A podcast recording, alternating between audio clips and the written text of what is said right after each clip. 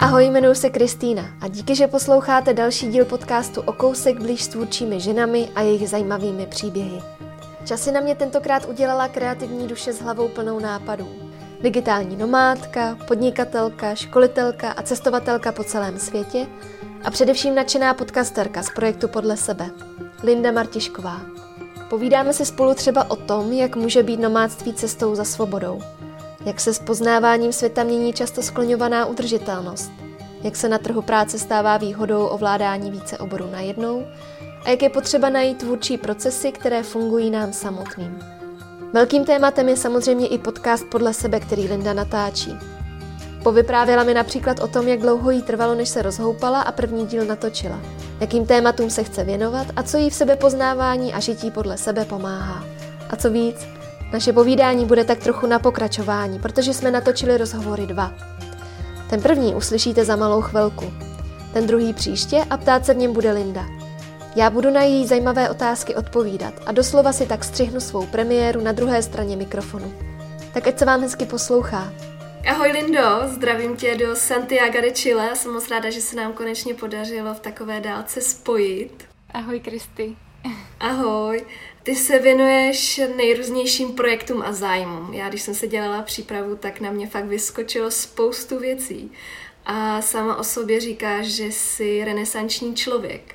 Mě by zajímalo, jestli tě to vlastně nikdy netrápilo, to, že uh, máš takovýhle přesah do víc oborů nebo do víc činností. Jo, mám pocit, že mě to trápilo určitě opakovaně několikrát, ale že konečně jako nějak teďka, nebo kdyby se zeptala teďka, jestli mě to trápí, tak vůbec.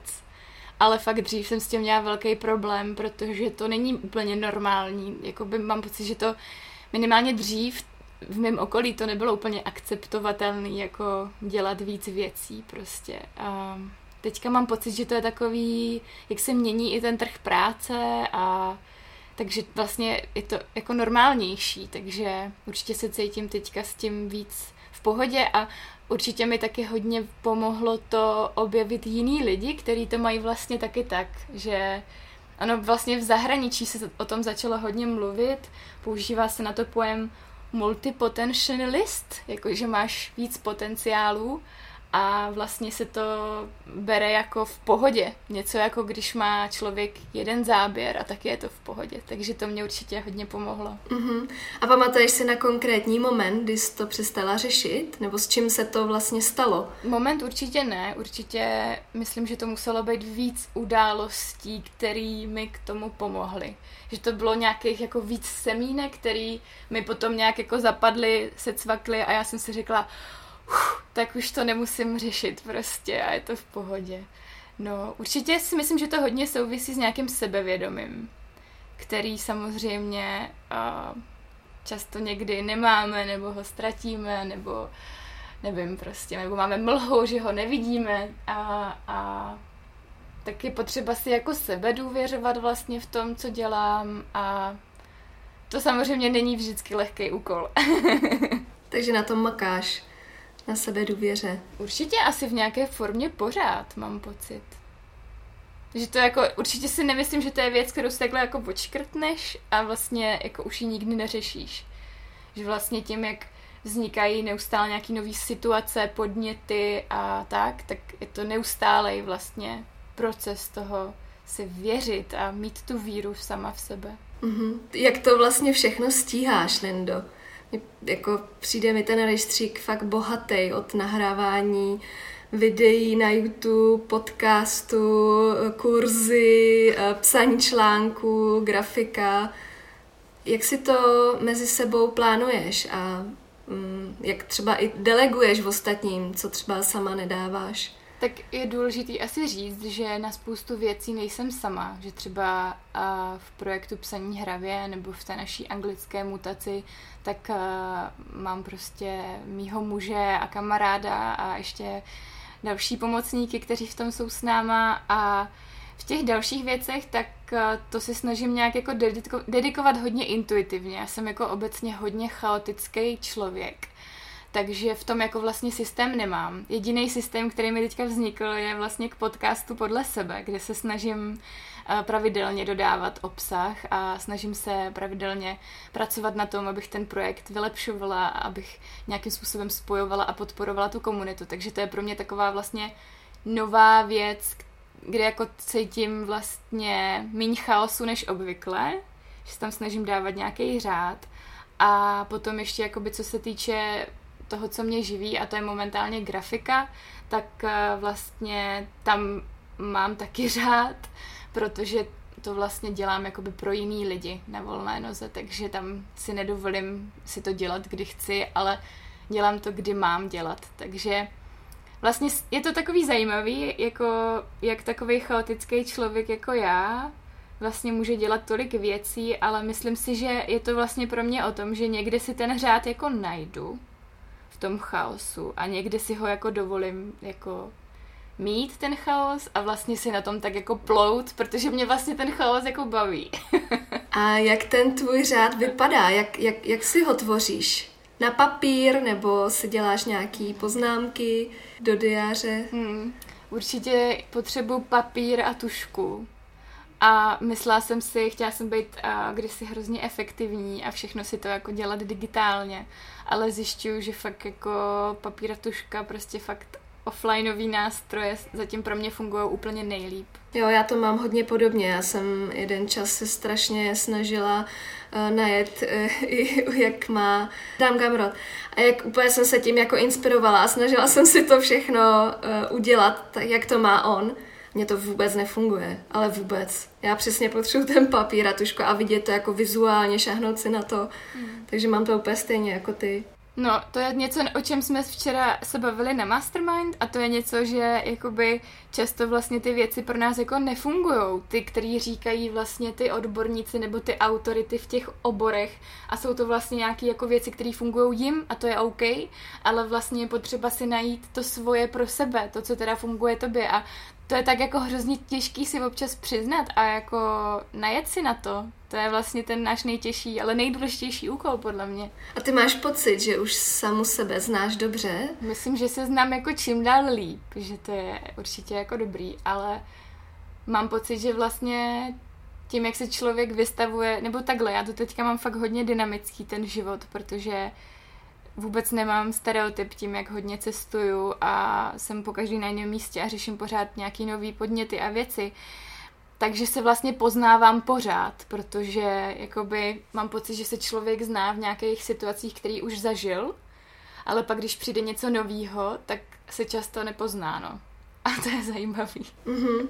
No k tomu eh, poznávání sebe sama se určitě dostaneme, hlavně kvůli tvýmu podcastu. Teď jsi zmínila, že hodně cestuješ, ty jsi digitální nomádka a uh, se tomu jako věnuješ profesně, že třeba i holkám radíš, jak, jak se stát digitální nomádkou, máš vyloženě kurz digitální nomádka krok po kroku. Proč vlastně jsi vybrala ty holky? Asi možná nechci teda mluvit teďka za tebe, jo, ale já jsem, protože máš taky, že jo, podcast zaměřený na, jako pro holky, ženy a vlastně já jsem taky nějakou, nějakým způsobem před těma čtyřma rokama vlastně cítila, že mám k holkám blíž a že vlastně ty holky chybí. Ehm, v té době, před těma čtyřmi lety, tady nebylo moc holek nomádek a mně to přišlo vlastně škoda, že vlastně vnímala jsem, že je takový stereotyp, že tohle můžou dělat lidi, co třeba programujou a často právě jako takhle ajťáci a to jsou víc, víc kluci než holky a vlastně jsem chtěla předat nějakou takovou podporu a víru holkám, že oni můžou taky, protože mně se to povedlo. A kolik si jich už od té doby kolem sebe združila a kolik jich opravdu vyrazilo na cesty? Ty jo, takový úplně statistiky nemám, a, ale myslím si, že to může být klidně třeba, že mi prošlo nějakýma těma kurzama kolem 100 lidí třeba, jakoby vůbec nemám zmapovaný ten online kurz, protože je veřejný a je zdarma, ale můžu zmapovat ty lidi, co mi přišli třeba přes Naučme se kurzy, a když jsme si povídali na téma jako podnikání a práce na dálku a tak. A tak to si myslím, že okolo té stovky třeba je. A jako jsem tam na sociálních sítích zaznamenám, že lidi někam vyjedou, no, ale jako nechci si určitě přihřívat polív, polívčišku sama sobě. Nemyslím si, že prostě Linda je Ježíš, který jako prostě tady posílá lidi do světa, je to všechno moje zásluha, to v žádném případě, jako myslím si, že to je podobný prostě um, jako se mnou, že člověk potřebuje víc takových nějakých impulzů, takže já se cítím na té uh, třeba cestě impulzů, že jsem mohla někoho inspirovat a tak, ale určitě ne, nepřikládám si velkou zásluhu tomu. Ty jsi v rozhovoru taky pro Travel Bible v, roce 2016 Matoušovi prozrazovala, že na těch cestách vidíš daleko míň těch žen. Máš pocit, že za ty tři roky se to trochu proměnilo, že už potkáváš víc holek? No minimálně vím o víc holkách v Čechách, který to dělají, což jsem v tu dobu nevěděla. A ono jako ve světě je to trochu jiný, když už člověk se vydá na ty cesty, tak bych si netroufla říct, že tady vidím víc kluků než holek. Že jako v tomhle mi to přijde už takový jako rovnocený, dejme tomu. Ale v tom Česku jsem to jako cítila, že to tak není. Co se v tobě dělo tenkrát, než si jako nomádka začala žít? Hmm, to je těžký říct. Mám pocit, že tady můžu odpovědět asi na několika úrovních. Já když jsem ještě si nemohla takovýhle způsob života dovolit, tak jsem fakt byla úplně na tom podobně podle mě, jako když jsou lidi úplně na začátku.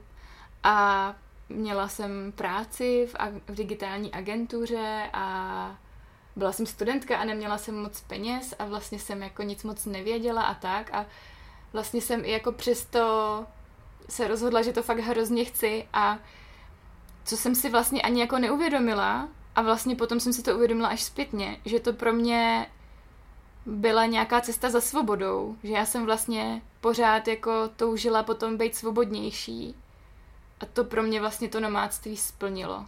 To je vlastně věc, kterou já u tebe dost často vidím i na Instagramu, že třeba v rámci hashtagu právě dáváš tu svobodu a dost často to doplňuješ i slovem odpovědnost.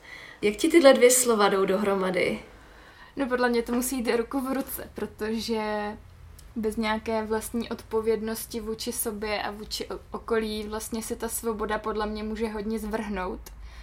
A vnímám, že to je pro mě i právě trošku téma k tomu podcastu podle sebe, že vlastně si vnímám, že jako můžem žít podle sebe, ale do nějakých hranic, kdy vlastně neomezujem nebo neubližujem sobě a druhým lidem, nebo další straně, takže takhle já vnímám tu odpovědnost, no. Mm-hmm. To se asi i nějak projevuje v, v tom tvým cestování, viď?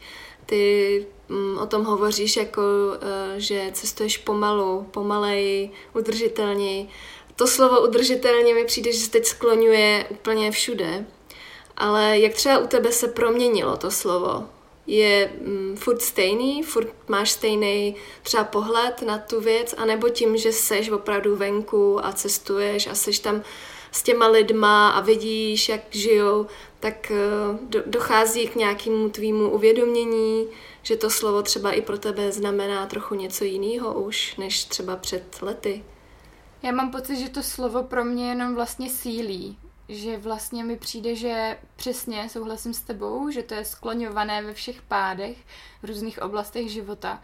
Ale vlastně třeba co se týče toho cestování, nebo takhle, jako já jsem asi přestala rozlišovat mm, takhle, protože já tady nejsem na dovolené a vlastně to nevnímám jako dovolenou.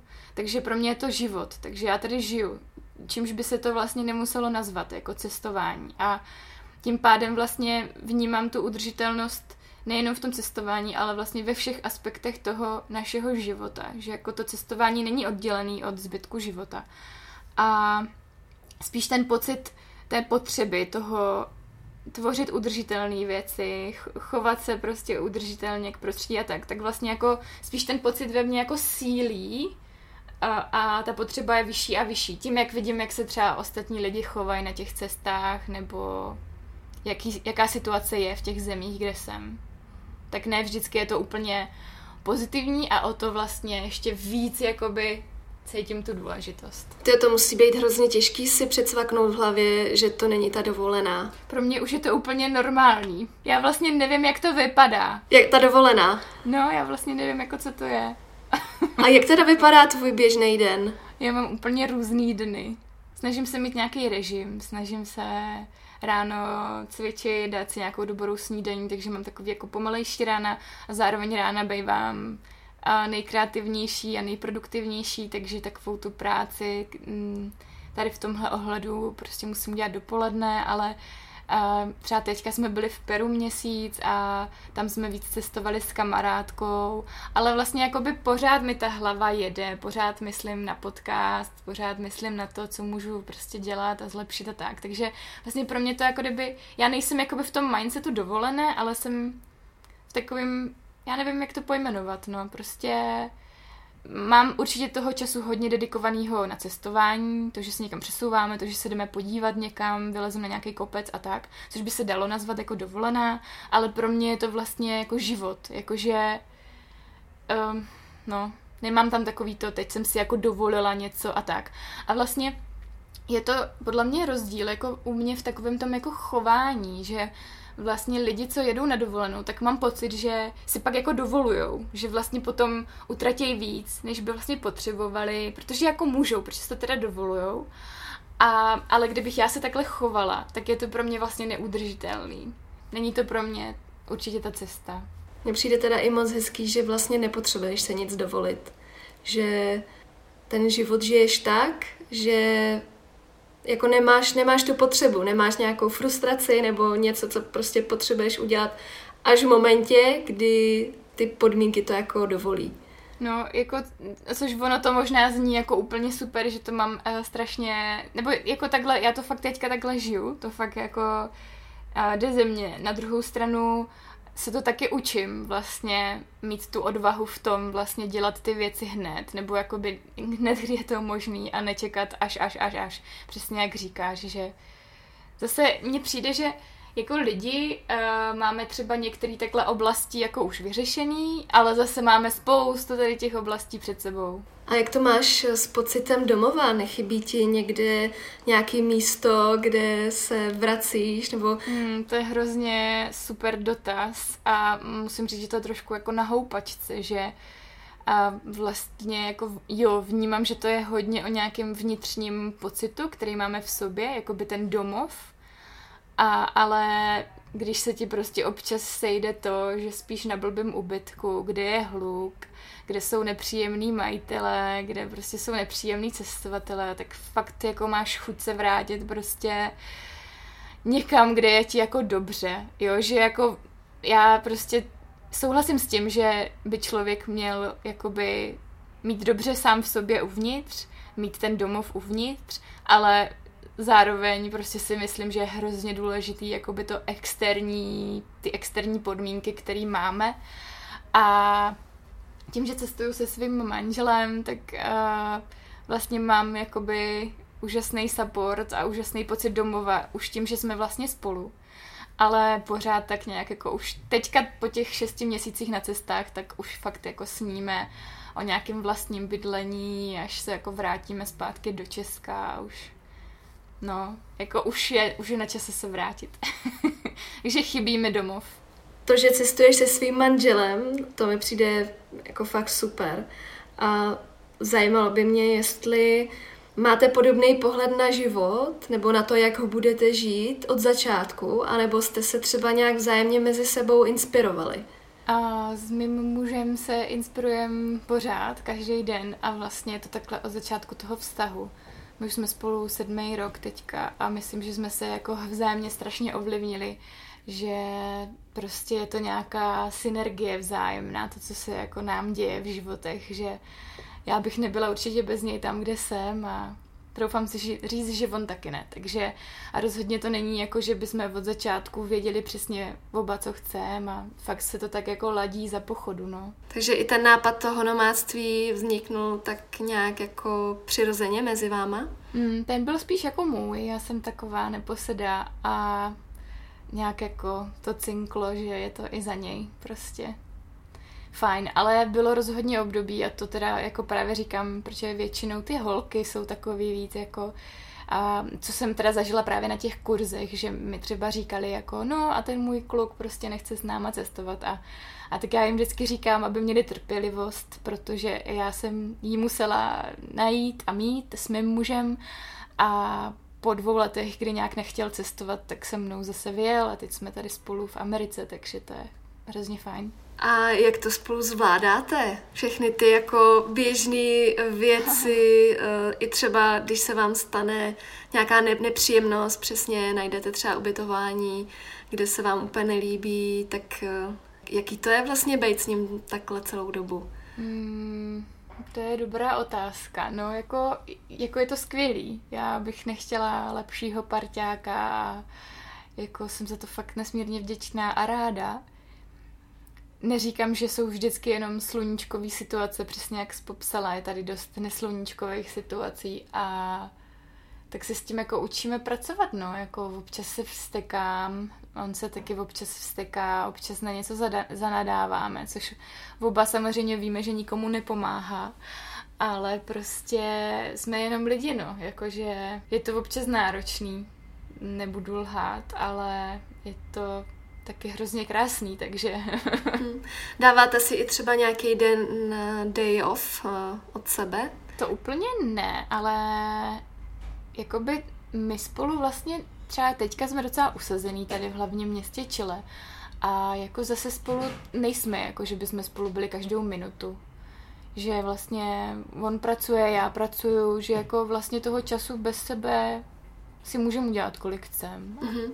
A kolik hodin uh, takhle na ten den, nebo kolik hodin té práci během toho dne věnujete? To je jako hodně častá otázka k nám a my jsme v tom takový nezbedové, teda jako ten můj manžel je víc takový jako pracovitější, že fakt si sedne a ponoří se do té práce jako v tom, uh, takže ale nemáme vůbec jako, nemáme limit, jako kolik pracujeme, kolik nepracujeme, což někdy prostě je samozřejmě blbý, by bylo dobrý, kdyby nějaký limit byl.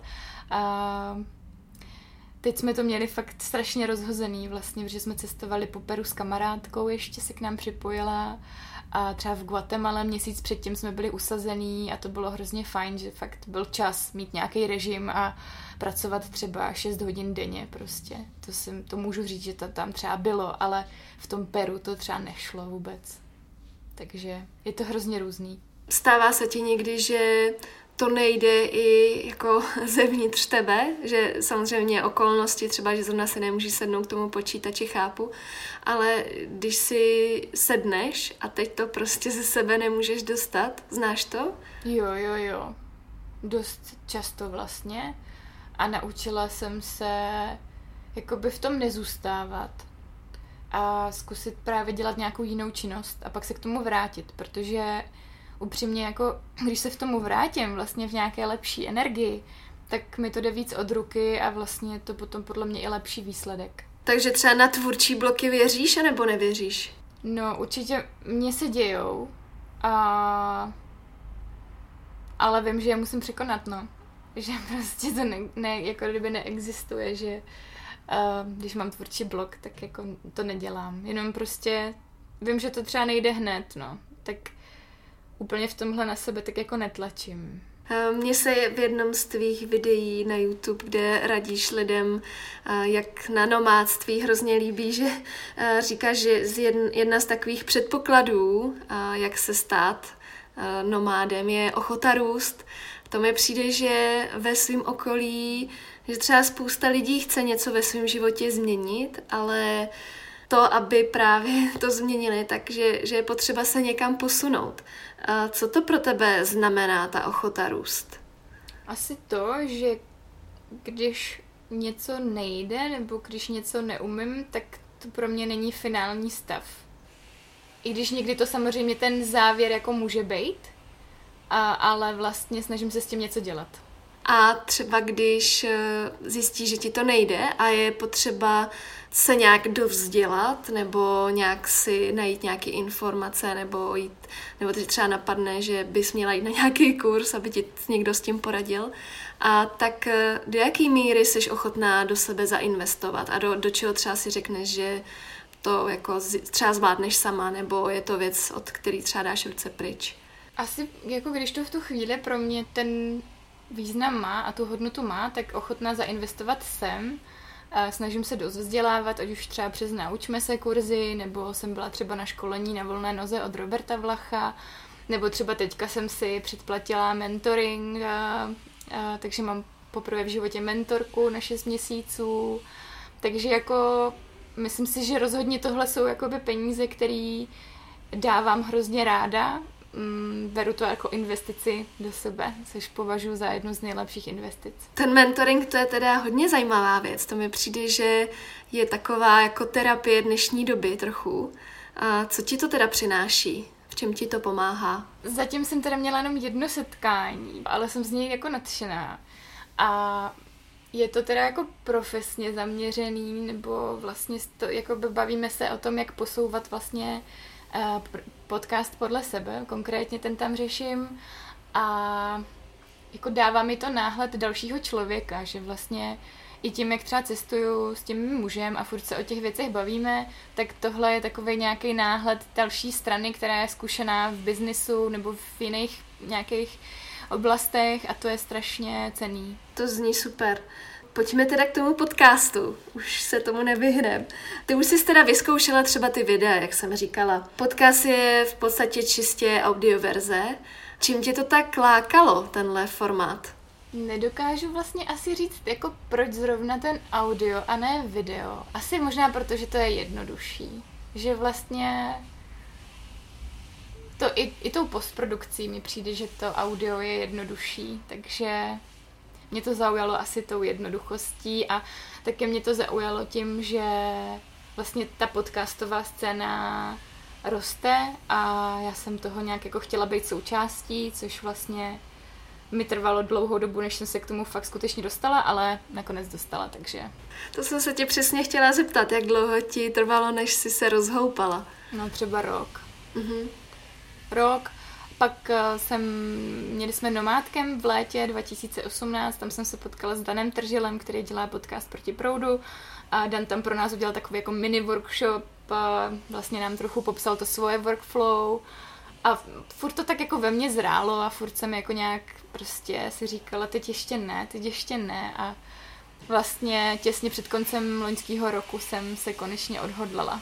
Ty sama si mi prozradila, když jsme si psali, že si původně mm, taky přemýšlela, že by ten podcast byl zaměřený jenom pro ženy. Proč jsi se nakonec rozhodla, že to tak neuděláš? Protože jsem si uvědomila, že ať chci či nechci, tak stejně ten vliv asi na ty holky budu mít pravděpodobně větší než na kluky, ale že to vlastně jakoby nechci limitovat, protože mi přijde, že i ti kluci potřebují podporu a že jako jim vlastně ráda dám, že jakoby úplně chápu, když eh, třeba ty máš podcast zaměřený pro holky, je to něco, co mě taky napadlo a ráda, ráda jsem chtěla dělat, ale vlastně jsem si uvědomila, že na poslední chvíli nějak jako, že to tak necítím a že chci dávat podporu i těm klukům a že prostě, no, ale paradoxně fakt si myslím, že přitahuju víc holky, že rozhodně mě víc poslouchají holky i co se přidávají lidi do té komunity, tak to jsou víc holky, rozhodně. Myslíš si, že třeba i ty holky víc řeší, jak si ten život jako udělat tak, aby jim vyhovoval? Nebo je to jenom tak, že jenom ta pozornost je třeba z těch žen větší? Myslím si, že možná spíš je to o nějaké jako energii, že myslím si, že lidi, co poslouchají podcasty, tak jim musí sedět ten člověk, co ten podcast dělá. Um, takže nevím, možná víc um, přitahuju holky prostě tou energií svojí prostě. Um, a určitě i ty témata si myslím, že, že jakoby já bych chtěla přinášet i ženský témata, už jsem naťukla vlastně téma menstruace, určitě bych se chtěla více věnovat eh, nějakým takovým věcem, takže eh, to si myslím, že taky přitáhne vlastně víc tady holky, no. I když teda musím říct, že jsem byla hodně překvapená, když si uh, v rámci tvý facebookové skupiny podle sebe tam to téma zmínila, že právě se k tomu vyjadřovali i kluci a i nahazovali otázky k tomuhle, tak vlastně to je možná i věc, kterou by ty kluky zajímalo. Jo, to je právě další věc, kterou jsem si uvědomila, že vlastně ty témata zajímají i kluky, protože my zajímáme kluky jako ženy a oni často do nás nevidějí a ne všichni jsou, že jo, třeba zvyklí mluvit otevřeně o věcech, které se v nás dějou, takže vlastně jako je to zajímavé, že i ty kluky to zajímá. A ne všichni kluci, já mám pocit, že je tady takový jakoby stereotyp, že jako kluci mají ten playboy a ty motorky a,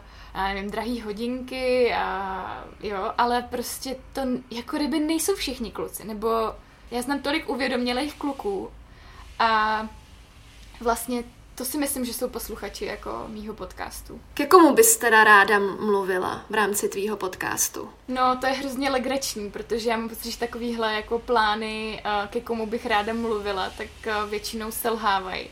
A jako selhalo to i tady. Prostě původní plán byl ty myšlenky dostávat k lidem, který jsou takový jako ztracený a nevědějí moc jako kam dál v tom životě a tady by mohli najít nějaký jako semínko, skrze který by mohli nějak jako vykvést. No, ale vlastně jsem zjistila, že k takovýmhle lidem já vlastně moc jako nemám šanci se dostat. Že, takže se ukázalo, že spíš právě přitahují lidi, kteří mají chuť na sobě nějak pracovat. Mají chuť mít lepší život, spokojenější. Což je vlastně super, protože už vlastně jakoby pracuju potom s lidma, kteří jsou nějakým způsobem jako nalomený a jenom si vlastně jako doplňují nějaký věci. Ten název je podle mě evidentní, že jako ten eh, není potřeba nějak dál vysvětlovat. Ale zajímalo by mě, jestli třeba si měla v záloze i jiný názvy, nebo jestli to prostě byla první, jako první věc, která tě napadla od té doby s ní pracuješ, protože třeba já mě fakt strašně dlouho trvalo, než jsem vymyslela název. Já jsem měla koncept, všechno, vizuál pomalu, věděla jsem, jak to bude vypadat, ale ten název mi strašně dlouho trval. Tak jak to bylo u tebe? No, úplně přesně tohle bych takhle popsala, jak jsi popsala ty. Název byl Největší pain. Trvalo mi to strašně dlouho, zapojila jsem do toho procesu spoustu kamarádů, furt jsem to s někým diskutovala a když jsem vymyslela úplně skvělý název, tak jsem zjistila, že existuje podobná skupina lidí, která má podobný název tak jsem prostě z toho byla hrozně smutná, hrozně mě to rozsekalo asi na měsíc, jakože ne, prostě já už nevymyslím někdy tak dobrý název. No a potom přišlo tohle. Co teda pro tebe znamená to žít podle sebe? Týhle otázce se asi nevyhneš. Pro mě je to asi o tom, jako žít nějaké pravdě sama se sebou. A přitom přesně jakoby neubližovat kvůli té svojí pravě jiným lidem, no. Taky mi přijde, že aby lidé mohli žít podle sebe, a tak je potřeba ale, aby poznali to, co to jako pro ně znamená, jak, jak vlastně by to mělo vypadat. Je to podle mě úplně stejný, jako když si chceš něco přát, ale nevíš, jak to má vypadat, nebo nevíš, co by to přesně mělo být. Jak to by pomáhá se poznávat? tom sebepoznávání mi hodně pomáhá se vystavovat situacím, na které nejsem zvyklá. To je právě třeba pro mě teďka to cestování. To je jako velká vlastně škola sebepoznávání. A to mě vlastně jako nějakým způsobem posouvá vpřed, ale zároveň si jako nemyslím, že lidi musí cestovat proto, aby se poznali, jo. že jako mně vlastně přijde, že úplně nejdůležitější a nejzákladnější jakoby krok je se tomu otevřít, což prostě trvá a já na tom prostě pracuju třeba už 8 let uh, a vlastně je to něco, co um, mi nikdo nikdy neřekl před těma 8 lety, že bych měla udělat a vlastně um, jsem hrozně ráda, že jsem na to nějak jako přišla a takže nejdůležitější je podle mě být jako tomu otevřený. Kdy se ty cítíš sama sebou? V jaký chvíli? Napadají mě takový jako momenty, kdy můžu jakoby žít tu svoji nějakou pravdu, kdy vlastně jako můžu se vyjadřovat, jak chci, můžu dělat věci, co chci a vlastně jako to je pro mě to, být sama sebou. Někdy je to víc, někdy míň, no. Čím vlastně ty, Lindo, chceš být? Máš nějakou jako uh, představu, k čemu Eh, směřuješ, nebo vizi, nebo vlastně to, jak to máš teď, je pro tebe tak v pohodě, že klidně v tom budeš pokračovat eh, do konce svého života. Já myslím, že jo, že je to hrozně zajímavý, ale já mám pocit, že jsem se třeba tím podcastem hrozně našla. Že vlastně je to něco, k čemu jsem pořád jako směřovala a vlastně mi trvalo hrozně dlouhou dobu, že vlastně já jsem jako celou dobu nějak cítila, že chci pomáhat a podporovat lidi a vlastně mám pocit, že jsem si tu formu našla. Takže to je úplně jako pecka a vlastně teďka jenom jenom uh, mám před sebou jako obrovský úkol to nějakým způsobem posouvat, no, dopředu. Takže jako já vlastně, mm, když třeba jsou takové ty otázky, jako co bys dělala, kdyby měla poslední rok života, tak já vlastně jako fakt konečně můžu říct, že vlastně jako asi nic bych jako kdyby neměnila, protože se vlastně fakt snažím ty věci si přizpůsobit tak, aby byly jako za mě v pohodě, abych fakt dělala to, co mě baví. Že vlastně jako potom teda nevidím důvod, proč bych to jako měnila, nebo a to je úplně super. To slovo podle sebe si myslím, že člověk hodně jako kouká se na takové ty zásadní věci. Přesně opustím práci, eh, přestěhuju se, změním uh, přítele, cokoliv. Ale jak se to třeba u tebe projevuje v takových těch uh, každodenních věcech? Co děláš jinak než všichni ostatní? No já jako doufám, že nic moc, nebo jako nechtěla bych, aby to vyznělo jako, že tím, co dělám, tak se snažím za každou cenu jako odlišovat, že vlastně já mám pocit, že to jako jenom z toho tak vyplývá nějak.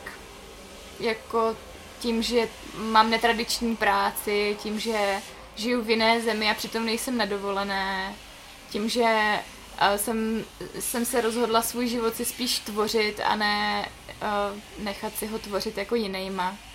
Takže spíš jako tohle jsou věci, které mě odlišují a tím, že jsou to pro mě jako hrozně nějaký silný hodnoty, tak vlastně to je asi to, co mi tvoří ten den. Možná jinak než ostatním lidem. Ale samozřejmě a si uvědomuju, že třeba další nějaká taková stá, další stádium bude prostě rodina. Že teďka vlastně tím, že jsme jenom partneři dva a nemáme vlastně povinnosti jiný než uh, sami o sebe, tak uh, máme vlastně jako ten prostor tohle dělat. Takže úplně plně to respektuju a um, věřím, že to třeba může být jinak. Ale rozhodně třeba i když budu mít děti, tak bych prostě chtěla, aby to bylo jako podle nás nebo podle sebe, aby prostě to tam jako bylo, no. Přijdeš mi, že jsi hodně otevřená, že um, jako mluvíš o těch věcech, uh, jak, jak je máš, že se nesnažíš to nějak jako zlepšovat, ani to nějak jako zastírat ty věci. Nemáš třeba strach uh, z toho, že tě někdo odsoudí za to, jaký máš myšlenky, názory a tak? To mě nikdy nenapadlo. Mám pocit, že mě takovéhle myšlenky napadaly dřív. Mám spíš pocit, jakože nemám pocit, že by mě lidi odsoudili za moje myšlenky, ale rozhodně třeba jsem měla strach před spuštěním toho podcastu, jakože co si lidi řeknou o, to, o té mojí činnosti. Nebylo to o těch mých myšlenkách, ale bylo to o té mojí činnosti, protože já jsem si nedávno uvědomila fakt jednu zajímavou věc, že tím, že jsem otevřená a mluvím takhle jakoby s každým, prostě koho potkám, nebo na jakýmkoliv videu, který natočím, nebo prostě jakýkoliv podcast, co udělám, tak vlastně já tím pádem nemusím mít strach nikde jinde, protože kdybych někde vlastně nebyla otevřená a třeba lhala nebo řekla něco jinak než je, tak já věřím, že by mě to jako dohnalo, nebo že by prostě fakt v dnešní době jako je to pro mě úplně nepředstavitelný vlastně. Ale jako vlastně to dělám přirozeně, nedělám to s tím, jako aby mě to nedohnalo, ale vlastně jsem si uvědomila, jaký důsledek by to mohlo mít, kde bych jako nemluvila otevřeně. Říkala si, že, že jsi měla strach před tím spuštěním. Byl to pro tebe mm, nějaký druh jako risku nebo strachu, který ráda pokořuješ? Asi určitě. Mám pocit, že vlastně jako každý strach, který se mi podaří pokořit, tak je jako vlastně, že tě to posílí, no. Potom do dalších nějakých strachů, který člověk má. Takže jsem za to rozhodně ráda, no. I když to samozřejmě člověk v tu chvíli nevidí, že jo, protože strach prostě v nás vyvolává jako pocity, že prostě něco ne- nemáme radši třeba dělat, nebo je to rozhodně jako negativní, ale vlastně to naše tělo tou reakcí strachu se nám snaží něco sdělit a to je vlastně, když se to jako přerámuje, tak je to vlastně hrozně skvělá věc, protože ono to s náma myslí hrozně dobře. A když, si, když se mi to takhle jako podaří v tu chvíli přele, přerámovat, že vlastně ta moje mysl nebo to moje tělo to se mnou myslí dobře, tak je to vlastně skvělý, jak mi to jako funguje, to tělo. Eh, Lindo, v čem podle tebe spočívá ženská síla? Podle mě nějaké jako empatii a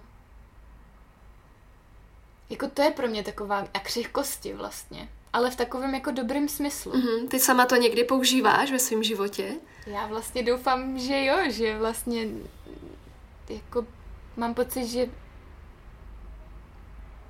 to i proč jsem to teďka řekla, tak je, že to nějak jako cítím ze sebe, že v momentě, kdy jakoby taková jsem, tak se cítím nejvíc ženou.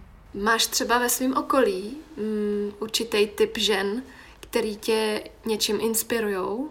Mám pocit, že jako vlastně si jako často i nějakým pozorováním jako toho svého okolí, když jdu třeba po ulici a tak, tak si jako dokážu všímat nějakých věcí.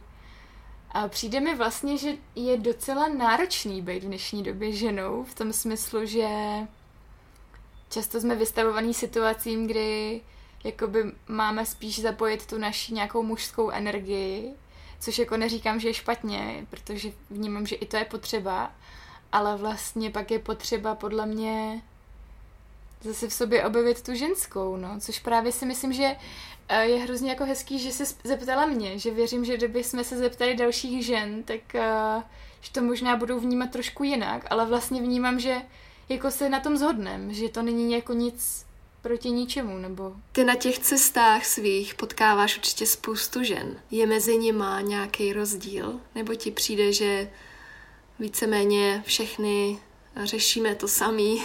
Hmm. To si jako obecně myslím, že furt jako všichni lidi řešíme ty stejné věci a vztahy a sebevědomí a tak, ale co třeba jsem takhle vypo- vypozorovala u žen v těch rozvojovějších zemích světa, jako je třeba Guatemala nebo Mexiko. Mně přijde, že je tam jako velmi silný to mateřství. Že tam prostě ty lidi mají fakt třeba devět dětí a fakt jako ta rodina tam je mnohem silnější, než vidím u jiných žen, třeba z Evropy, kde vnímám, že třeba víc ta kariéra nebo nějaká seberealizace. Četla jsi nebo jsi slyšela v poslední době něco, co tě třeba obohatilo, in, zainspirovalo? No, teďka mi na paměť vyvstává jeden podcast, jmenuje se to Matematika zločinu. Nevím, jestli jsi ho zaregistrovala. Zaregistrovala u tebe, že tě to chytlo. Jo, mě to hrozně chytlo, protože to jsou příběhy jako z českého prostředí, z čes- dva případy z českého soudnictví. A vlastně uh, se tam zase ve mně probudila nějaká taková ta jako velká mm, potřeba spravedlnosti, která často prostě není... Tak vlastně na tady těch případech jsem si zase jako sama pro sebe uvědomila, jak, vel, jako velmi důležitý to pro mě je. Takže být spravedlivá jak vůči sobě, tak vůči ostatním. Jo, a když vlastně vidím nějakou nespravedlnost, tak je mi z toho hrozně ousko. Mně se moc líbí, jakým způsobem ty spojuješ lidi v rámci podcastu Podle sebe. Za prvý teda v rámci facebookové skupiny, tak tam je velký prostor se i třeba vyjádřit, jako eh, nejenom teda k tvým tématům, ale celkově, když potřebuju třeba s něčím pomoct a tak. A je to hezky kvetoucí komunita. A ty jsi tam taky, eh, kromě jiného, tak eh, tam vedeš takovou tabulku svých účastníků, kde si i vyzvala, jaký téma by nás bavilo, kdyby si zpracovala. A já třeba mám strašně ráda uh, tradice a rituály, uh, který si myslím, že v našich životech fakt jako zmizely a, a je to, uh, za prvý to je strašně znát a za druhý je to jako velká potřeba mít nějaký přichodový rituál v našich životech. A mě by třeba zajímalo, jestli si na těch tvých cestách třeba narazila na něco zajímavého nebo na něco, uh, z čeho si byla hotová, když si viděla a vlastně to třeba u nás není vůbec běžný to tak prožívat třeba silně. Já jsem hrozně ráda, že tohle téma zmiňuješ. A právě jako rozhodně bych se tomu chtěla taky věnovat ještě v nějakém dalším díle, protože přesně jak říkáš, pro mě jsou rituály něco, co fakt uh, se mi nějak objevuje v životě, že je pro mě důležitý, že vlastně nějak jako nevnímám, že je taková ta forma oslavy, jaká je v naší kultuře akceptovatelná, jako dát si dobrý jídlo, opít se a zapařit a jít dom, tak jako kdyby to není pro mě forma rituálu, takže vlastně hledám něco jiného. Už se nám to podařilo takhle i na svatbě mít, že jsme měli rituál u ohně, který pro nás dělali kamarádi a bylo to hrozně hezký. A teďka v zahraničí se mi podařilo být součástí dvou majských ceremonií.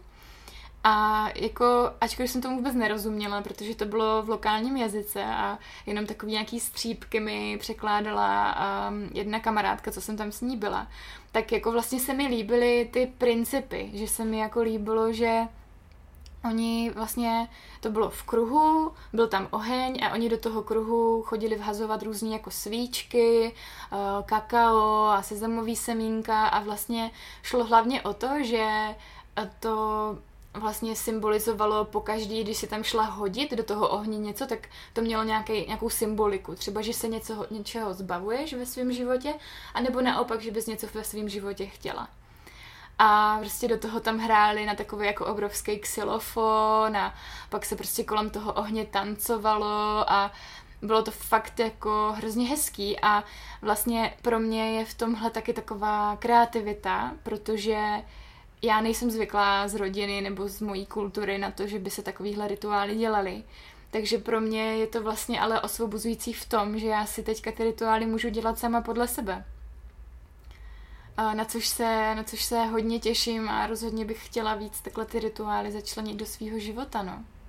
Nebo teďka mě třeba napadá, v Mexiku se slaví Den mrtvých a tam je úplně neskutečný, jak jakoby vlastně uctívají ty svoje neboštíky, kdy si vlastně staví obrovský oltáře, na který dají jídlo, co ty lidi měli rádi, všude dají jejich fotky a vlastně se před ten oltářík uh, vsypou takový oranžový květy a to vlastně je pro ty mrtví, aby věděli, aby trefili jako v tu noc těch mrtvých, aby trefili k tomu oltáři, že jakoby je to zase nějaká symbolika, ale vlastně se mi to hrozně líbilo, že je taky ta, taky ta smrt tam vnímaná úplně jinak než u nás.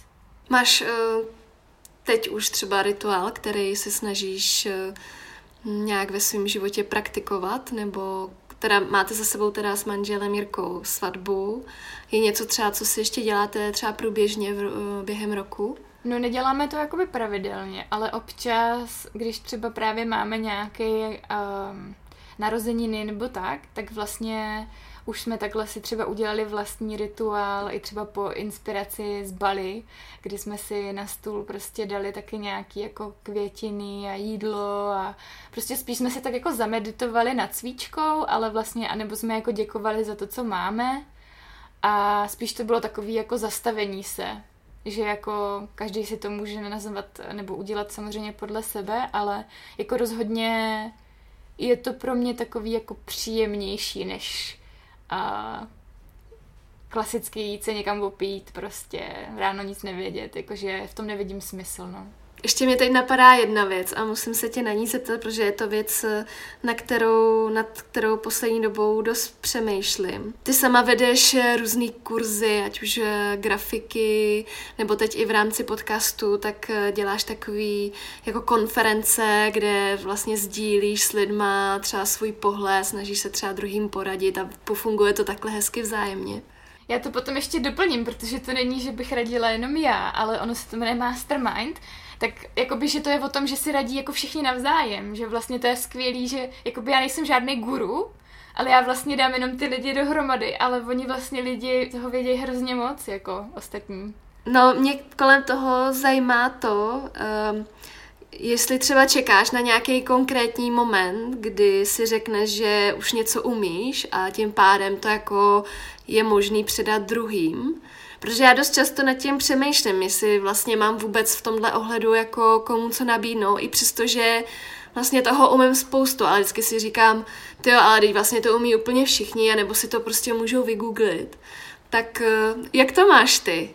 Ty jo, to je úplně krásná otázka. Úplně tě chápu. Já to vlastně mám jako taky, jenom vlastně to, že jsem začala nějaký věci dělat, ať už to jsou kurzy grafiky, nebo to jsou uh, tady ty mastermind, uh, nebo prostě kurzy o nomáctví, tak je to v podstatě jako to, že jsem se na to rozhodla vykašlat. Že prostě OK, asi jsou tady lidi, co vědí víc grafiky, OK, asi jsou tady lidi, kteří můžou k nomádství říct mnohem víc, ale zároveň je tady spousta lidí, co neví vůbec nic o grafice a zároveň je tady spousta lidí, co třeba neví vůbec nic o nomádství. A to jsou lidi, který prostě, kterým já mám co předat a kterým strašně ráda něco předám. A i na základě těch ohlasů, který mám, tak to těm lidem pomáhá, což jako je boží prostě, co víc může být. A vlastně kdybych furt jakoby si myslela, že nejsem dost dobrá na to, abych to dělala, tak to nebudu dělat nikdy. A vlastně kolik lidí by to teďka nevědělo kvůli mě, víš, nebo jakoby, že to je vlastně hrozně super. A jasně, že tady vždycky budou asi zkušenější, zkušenější lidi a tak, ale co je teda ten, na tom úplně skvělý, že já vlastně ty kurzy úplně nedělám sama na sebe, ale vlastně dělám je přes tu platformu Naučme se a ta je vlastně hrozně skvělá v tom, že si tam ten kurz může vypsat kdokoliv a vlastně ten trh sám jako prověří nebo ukáže, jestli to dává smysl nebo ne. A to je úplně boží prostě. Když tak ti na to nikdo nepřijde na ten kurz, no. Nebo tak dostaneš špatnou referenci, no tak prostě už ho nebudeš dělat. Ale nic horšího se jako by nemůže stát. Takže to je na tomto krásný. Tak jak se vám rozhovor s Lindou líbil? Napište mi o tom. Uděláte mi tím velkou radost a navíc ráda zjistím, kdo jste a třeba i při jaké příležitosti si mě na pár minut pouštíte do hlavy.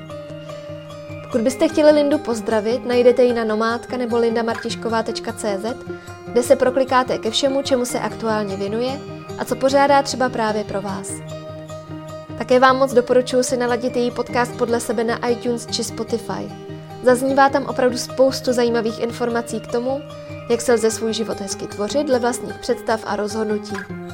Pokud se vám podcast líbil, budu ráda, když ho budete sdílet se svými blízkými a když mi dáte vědět, jaká témata či ženy byste si rádi poslechli, nebo jak bych mohla podcast vylepšit, ať už komentářem na iTunes, Instagramu nebo poštou na buďmizavináč Také mě potěší, když budete podcast ve vaší oblíbené aplikaci nebo nově i na YouTube odebírat a budeme si o kousek blíž i na Instagramu, kde se můžeme vzájemně ve svých snech a přání podpořit a kde dávám vidět o všem, co nového se chystá. Těším se za týden. Mějte se fajn a brzy se slyšíme.